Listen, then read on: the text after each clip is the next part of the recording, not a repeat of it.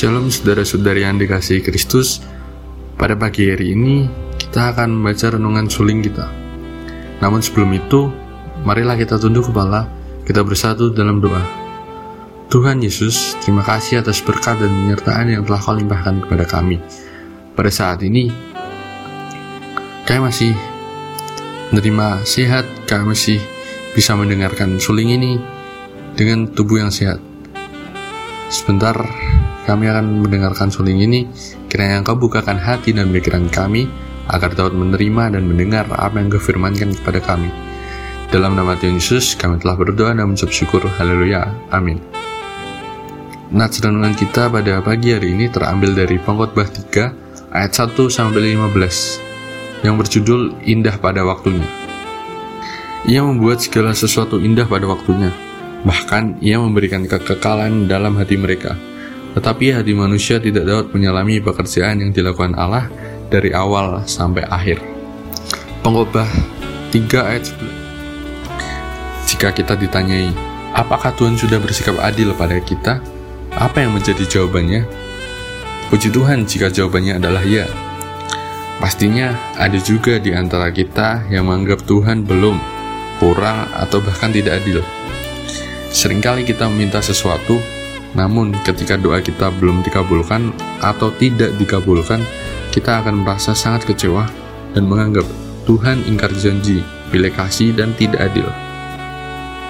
Perasaan seperti itu bisa muncul apabila kita memandang janji Tuhan hanya secara sepihak dari kacamata manusia semata. Ketidaksabaran dan pengertian yang sangat dangkal akan janji Tuhan bisa membuat kita dengan cepat merasa kecewa. Salomo dalam khotbah 3 ayat 11 mengajak kita untuk memperhatikan bahwa ia membuat segala sesuatu indah pada waktunya, bahkan ia memberikan kekekalan dalam hati mereka. Tetapi manusia tidak dapat menyelami pekerjaan yang dilakukan Allah dari awal sampai akhir. Melalui ayat ini, Salomo ingin agar kita tetap sadar dan tidak mencoba merasionalisasikan rencana Tuhan hanya secara sepihak lewat kacamata kita. Tidak tepat apabila kita memerintah Tuhan untuk memberikan segala yang kita inginkan yang menurut kita terbaik bagi kita.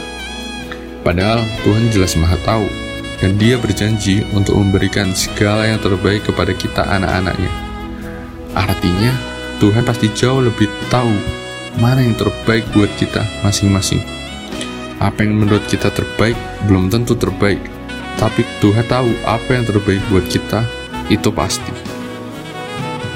Firman Tuhan ini memberikan gambaran yang menyeluruh kepada kita bahwa Tuhan selalu menyediakan segala sesuatu yang indah pada waktunya. Dia menyediakan segala yang terbaik bagi kita, bahkan yang tidak kita tahu sekalipun. Kemampuan manusia terbatas untuk menyadari apa yang terbaik bagi diri kita sendiri di masa depan. Namun percayalah pada Tuhan, karena Dia tahu apa yang terbaik bagi kita dan telah menyediakannya. Tuhan selalu siap memberikan jawaban yang tepat sesuai waktunya, dan itulah yang terbaik. Bahkan ketika Tuhan tidak memberikan apa yang kita minta, itu pun hanya untuk kebaikan kita sendiri juga.